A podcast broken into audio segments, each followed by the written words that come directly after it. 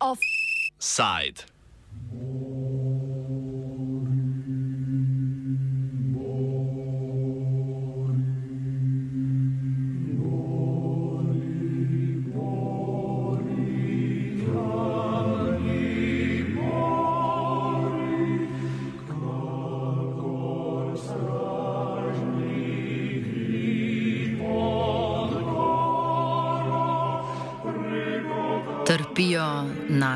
Gozdovi.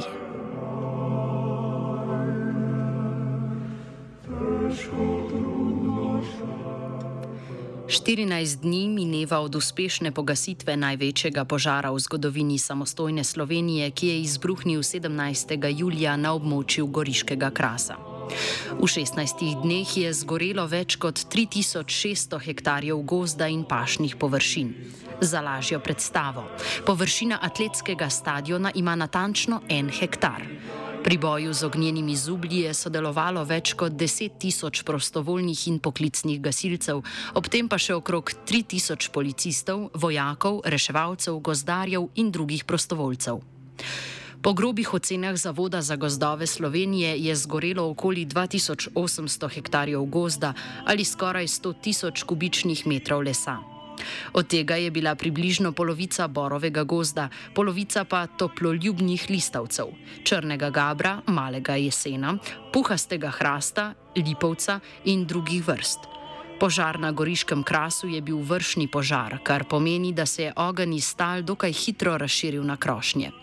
Borut Košiček, vodja sežanske območne enote Zavoda za gozdove Slovenije, meni, da bi bilo v primeru talnega požara škode manj. Vršni požar je, je pri, prizadene eh, gost oziroma se v odrastem gozdu spne tam, kjer imamo kakšne na, na robovih eh, pač sklenjeno, da, da ogenj lahko preide iz tav na nekam više. Ne? Če, samo v, eh, če, če gre skozi odrasel gost ali pa če bi v odraslem gozdu nastal požar, potem navadno ni, ni vršni požar. Ne? Tako da, um, kjer imamo te mešane strukture, tam je lažje priti do vršnega požara. Kjer je samo talni požar, tam, tam so te debeloljubne vrste v prednosti. Zdaj bor je, je se pač brani pred škodljivci in uh, z, z smolami, tako kot če recimo druge vrste iglovcev. Um, in pa nekatere vrste se branijo recimo z eteričnimi olji, to, to poznamo in vse te vrste, mediteranske, zelo dobro gorijo. Ne?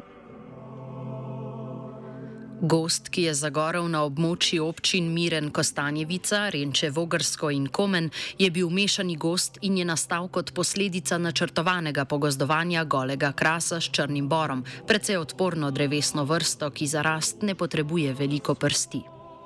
Črni bor se naravno pojavlja tam, kjer, kjer je najbolj težko za vse vrste. Ne? Tam je absolutno zmagovalec naravi. Eh, recimo na, na, na teh, če greste ob avtocesti proti Trbižu po italijanski strani, je na teh prepadnih strminah, kjer je vroče in, in e, sušno, kjer, kjer je zelo težko preživeti katerikoli drugi vrsti.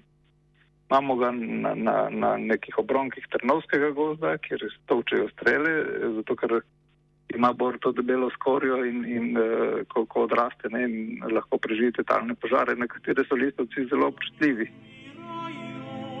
V davni preteklosti so to območje sicer pokrivali bukovi gozdovi. Analiza sedimentov v kraških vrtačah v okolici Divače, ki jo je družba 2TDK opravila pred začetkom gradnje drugega tira, je namreč ugotovila prisotnost bukovega semena v prsti že pred tisoč let pred Kristusom. Človekovo izsekavanje za potrebe pašništva in poljedelstva je na to povzročilo postopno erozijo prsti.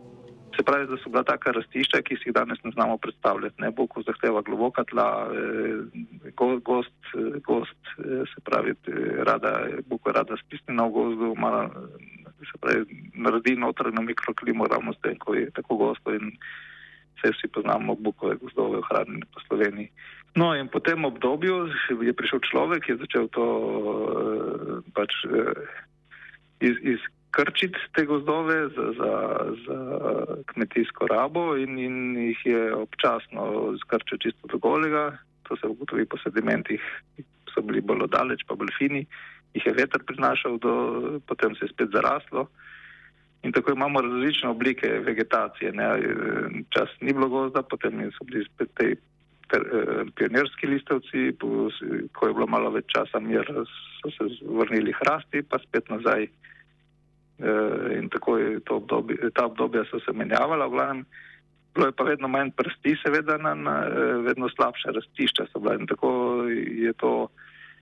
Eh, recimo v, v srednjem veku in pozneje je, je bilo vedno bolj golo golo in potem gost ni bil več mogoč, ne se pravi, ko pridemo do golega kamenja, ki je recimo ravno za ta del krasa, kjer je bilo pogorišče, je sta, imamo recimo zelo slaba rastišča, potrebno še petrinski kras ali pa kraški rob.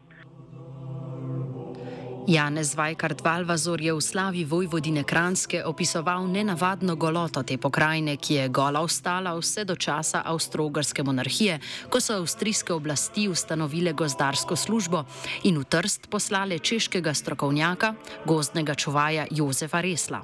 Njegova naloga je bila iskanje lesa za gradnjo avstrijskega ladjevja.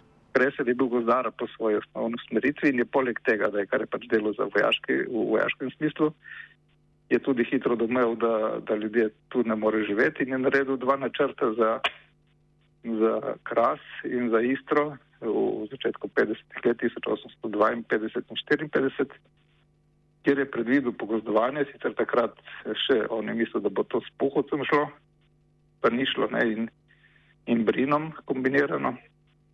Te njegove metode pogozdovanja niso bile takrat izvedljive, ker je bilo pač golo kamne in pohod vseeno zahteva nekaj več. Potem je Resel umrl k malu, zdaj nam točno v 50 letih in so za njim eh, tudi ostali eh, gozdari še vedno poskušali z veliko drevesnimi vrstami in so potem 1872, mislim, da odkrili, da Črni bor pa je primerna vrsta za, za ta rastišča, se pravi, da se ga da saditi v kamen če prineseš malo zemlje, kamor ga lahko sadiš, in to, to so tudi počeli. Uh, so osnovali počasi gozdarsko službo, ljudem so plačevali delo, se pravi, da so, uh, da so sadili na, svojem, uh, na svoji zemlji in so tako rešili, se pravi, ta socialni malo težavo, ne, da se ljudje niso ali pa so se manj odseljevali. Eh, hkrati pa so pogozdili precejšnje površine, se pravi, potem do 1900 ali do prve svetovne vojne so pogozdili kar nekaj tisoč hektarov, okrog 15 tisoč hektarov, ocenjujemo.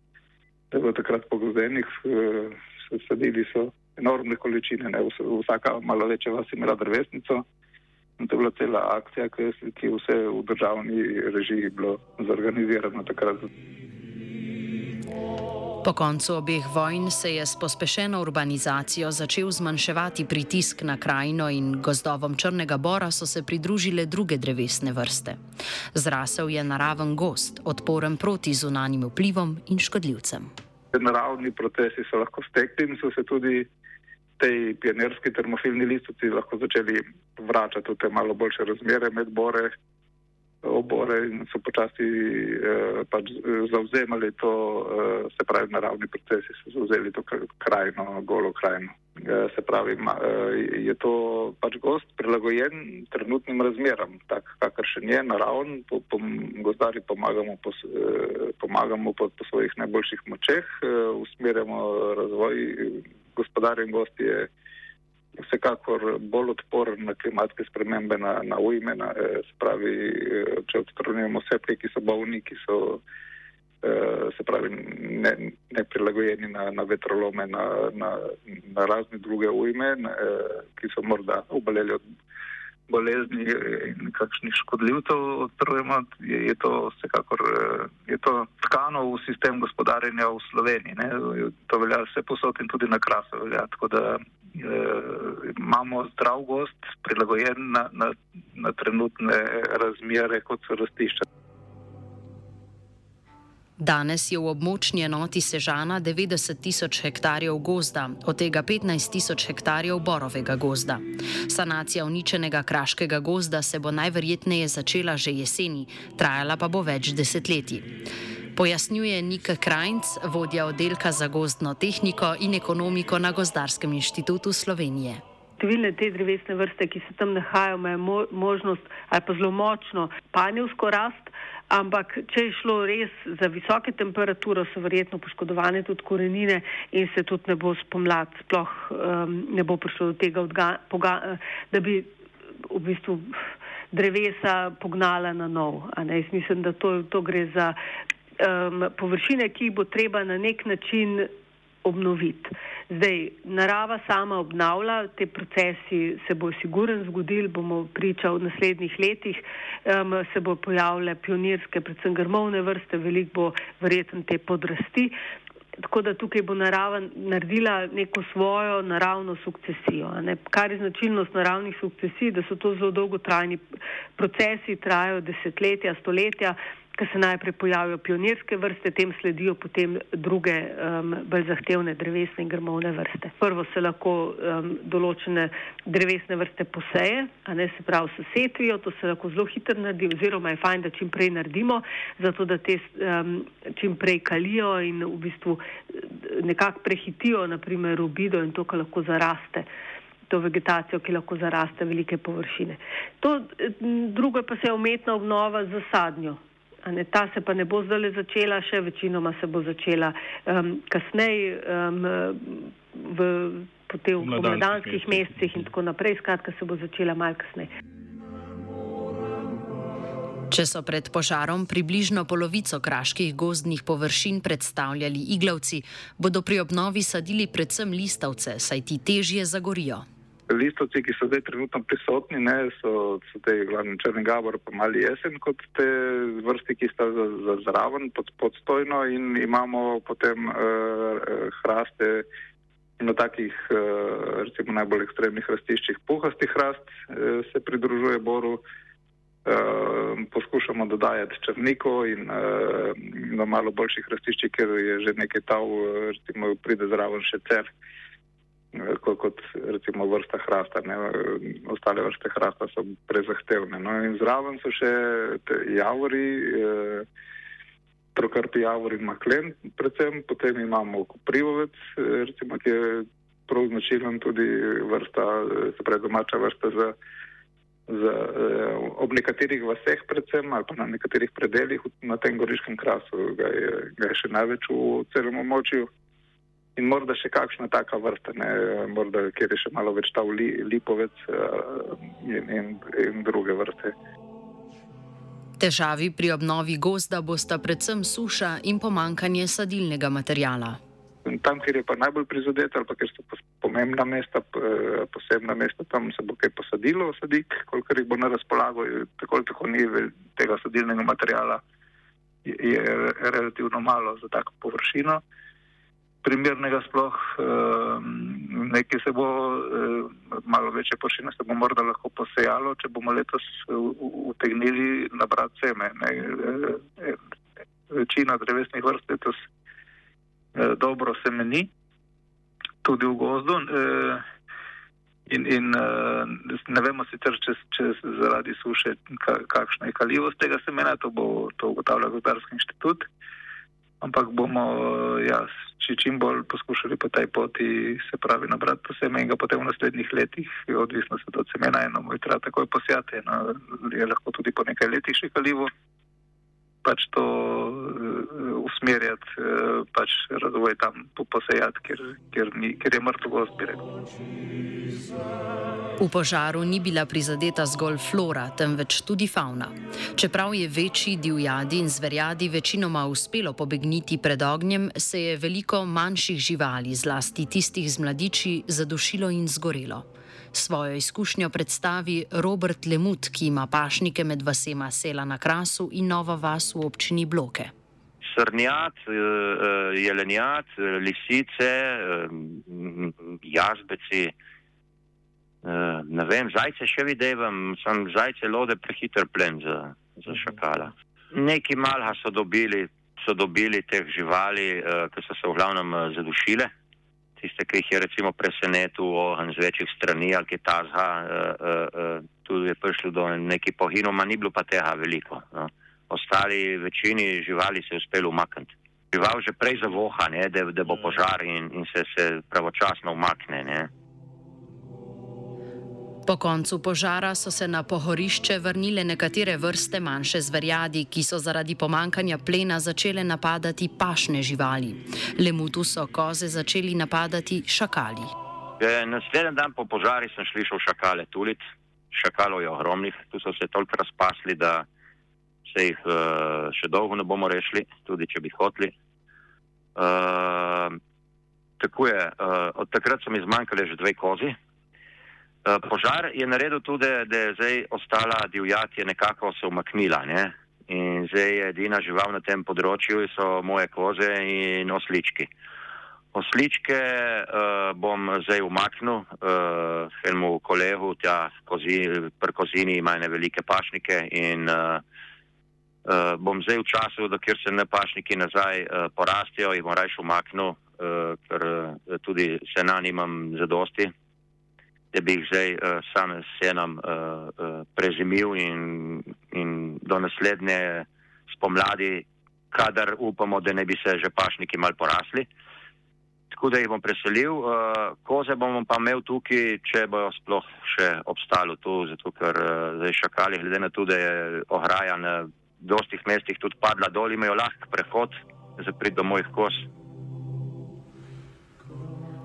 Poleg dolgoročne sanacije se trenutno izvaja tudi spravilo okrog 5000 kubičnih metrov lesa, ki so ga gozdari in prostovoljci posekali za izdelavo protipožarnih presek in stes na skupaj 1100 državnih in zasebnih parcelah. Za spravilo tega lesa so imeli lastniki parcel čas do 8. augusta. Spravilo preostanka lesa pa bo do konca tega tedna opravila družba Slovenski državni gozdovi. Zasebnim lastnikom bo pri tem v pomoč centralni registr lastnikov gozdov in izvajalcev spravila lesa imenovan Moj gozdar Pikasi, ki ga je Gozdarski inštitut vzpostavil po žledolomu leta 2014. V njem lahko lastniki poiščejo primerne izvajalce, pojasnjuje Kranc podjetja, ki želijo izvajati dela v gozdovih, se morajo um, na nek način dokazati, da izpolnjujejo minimalne pogoje po pravilniku za, iz, za izvajalce del v gozdovih in to dokazati inšpektoratu, ki, z, um, ki pokriva področje gozdarstva. In inšpektorat potem potrdi, da ja, to, to, ta izvajalec izpolnjuje minimalne pogoje in zato lahko upravlja naprimer sečno z motorno žago, traktor, pač kar kolon najavi, da bo delal. Če izvajalec ne izpolnjuje minimalnih pogojev oziroma ima kakršno koli drugo prepoved, inšpektorat ga potem uvrsti na neko listo neustreznih izvajalcev. In um, se pravi, mi smo rekli v redu, ta, to obstaja, izvaj, um, inšpektorat to objavlja v obliki nekih Excelovih preglednic na svoje strani, ki je zelo težko najdete. In zato smo rekli, če bi mi v bistvu uspeli povezati javno dostopne baze, torej IPES, um, ta bazo um, gozarskega inšpektorata in pa um, DURSA, se pravi davčne uprave, bi mi dobili v bistvu seznam podjetij, ki bi jih lahko enostavno, seznam podjetij, ki so registrirani za izvajanje del v gozdovih. In jim postavimo v bistvu semafor, rečemo, če izpolnjuje vse pogoje, če je registriran za izvajanje del, se pravi, še vedno aktiven in če plačuje vse davke, potem dobi zeleno luč. In iz iPesa seveda lahko, ker je to javni podatek, počrpamo vse osnovne podatke o podjetju. Ne, tako da moj gozdar v bistvu sloni samo na teh treh javno dostopnih bazah, mi smo pa v ta sistem dodali še proizvajalce sekancov, um, tiste, ki ponujajo gozno, ki se ukvarjajo z gozdnim gradbeništvom in pa prevozom lesa in odkupom. Te tri smo dodali svojih baz um, noter te, um, te tri skupine, zato ker smo rekli, tudi to lasniki gozdov potrebujejo. In te, ki smo jih mi noter dodali, imajo oranžno luč, zato ker njih inšpektorat ne preverja. Ne? Um, se pravi, podjetja, ki pa imajo ali prepoved um, inšpektorata za delo, za, um, za posamezno dejavnost, oziroma naprimer niso več aktivni, se pravi, so se izbrisali iz IPS-a, oziroma niso plačniki davkov, te dobijo pa rdečo luč. In tako lahko lastnik gozda zelo na hiter, um, če vstopi v sistem moj gozda, če, če pogleda, zelo hiter vid v bistvu v njegovi regiji, kdo so izvajalci, dobi njihove kontaktne podatke in zraven še informacije o tej pravno-formalni ustreznosti. Vendar bodo morali biti lastniki gozdov pri izbiri izvajalcev pozorni, saj je med njimi veliko špekulantov.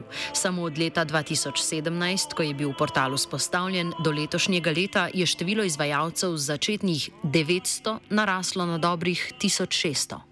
Meni se zdi pomembno ne v tem času, da upozarjamo ljudi na podjetje, ki imajo nepoštene prakse, zato ker um, imamo res zanimive zgodbe no, od lasnikov gozdov, ki so um, v bistvu padali v to, v, v nek um, tako, ko bi lahko rekel, spiralo v bistvu goljufi.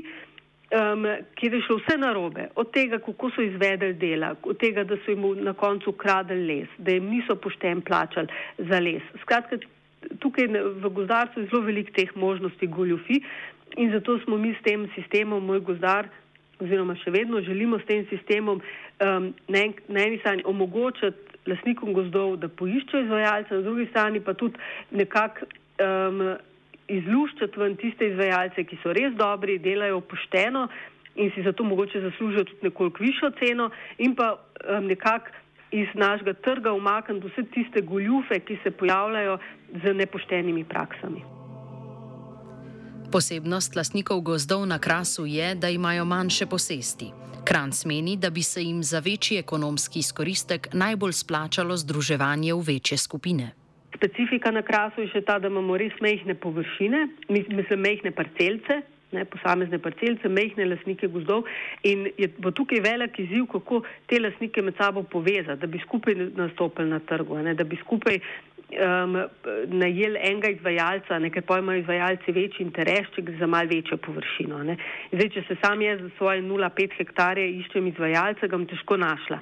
Če se pa povežemo na celi površini, in naprimer sto lastnikov gozdov skupaj stop na jame enega izvajalca, potem bo pa imel on eno veliko površino za narest in se bo to tudi njemu splačalo. A ne bo zato lahko nižjo ceno ponudil in tako naprej. Tako da jaz vidim tukaj velik izziv v tem, kako povezati lastnike gozdov med sabo, da skupaj nastopijo, da skupaj poiščejo izvajalce in tudi ta les skupaj prodajo. Ker če bo skupaj ponudili večjo količino na trgu, bojo verjetno lahko dobili višjo ceno, kot pa če bo vsak svoje kubike prodajal.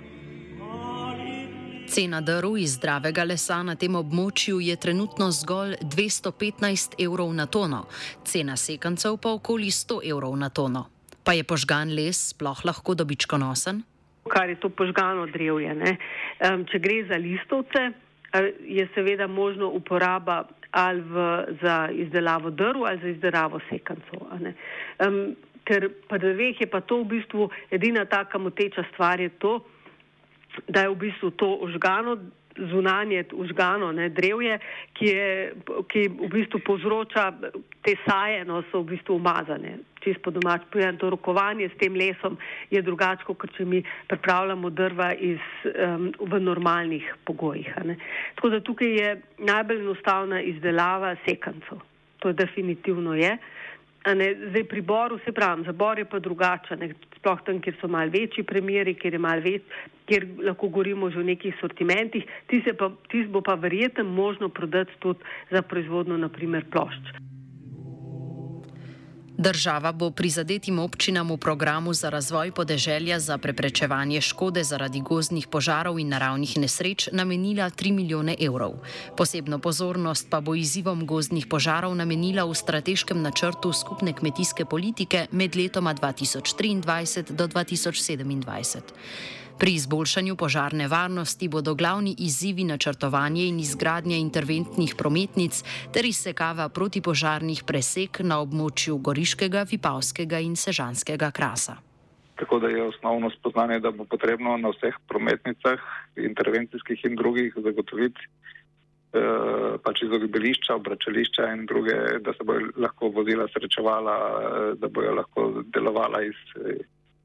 Iz prometnice, kar je osnovna naloga eh, te take intervencijske prometnice, pač eh, ob prometu, ki se odvija hkrati. Ne. Na prometnic teh intervencijskih imamo nekaj čez 600 km na celem območju, eh, kar je kar zalogaj. Ampak bo, če hočemo izboljšati požarno varnost ob takem pojavljanju požarov, kot je bilo letos, bo, bo potrebno vse te prometnice izboljšati. Izboljšati bo potrebno tudi se pravi širino svetlega profila, kar je bilo ponekod, se pravi, bolj obsekati, bolj uživo in tudi v, v rastje, ki je morda na parcelah ob prometnici, ki niso čisto v telesu prometnice. Imeli smo tudi že sestanek z vodari, s kraškimi vodovodi recimo.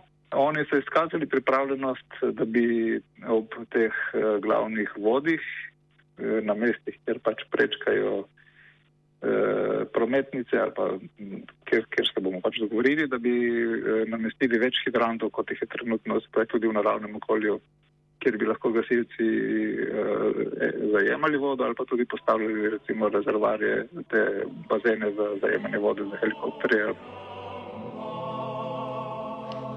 Robert Lemut upa, da bo imela država pri tem posluh tudi za lastnike parcel, ki so pogorele in jim ne bo obračunala dajatev na gost, ki ga ni več. Enem so zgoreli uh, sadovnjaki, uh, enem so kršna oljka šla. Ne? ki se je zdaj nedolgo nazaj se dost uh, olčnikov naredilo. In drugač ljudje neč pravijo, da uh, uprav, da ne bojo dobili zdaj zaplačati tistih prispevkov za, za, za, za urejanje teh gozdnih poti, ker gozda ni več tukaj. Ne? Oziroma zdaj uh, pravijo, da upajo, da se ne bo smatralo več tu kot gost, ker je eno veliko požarišče. Je, je pa res na enih mestih je, je ni je kam. Ne. Ob tem pa je predvsem pomembno, da ljudi še naprej ozaveščamo o previdnosti na območju gozdov v času poletne suše. Offside zaključuje Krajnc. Tako da jaz mislim, da ljudi bi bilo treba res osvestiti, da so v naravi previdni, da, so, da ne povzročajo po nepotrebnem še večjih nevarnosti, ker um, je res letos je izredna suša, tudi na gozdovih se to že pozna, v bistvu vidimo, da um, tudi na listovcih, naprimer, ki že ponekod rjavijo, ne, že, um, res se pozna to prizadetost um, po, suš, um, po suši in vročini. Tako da jaz mislim, da trenutno je ogrožen na čist cela Slovenija. Offside je pripravil Dugi.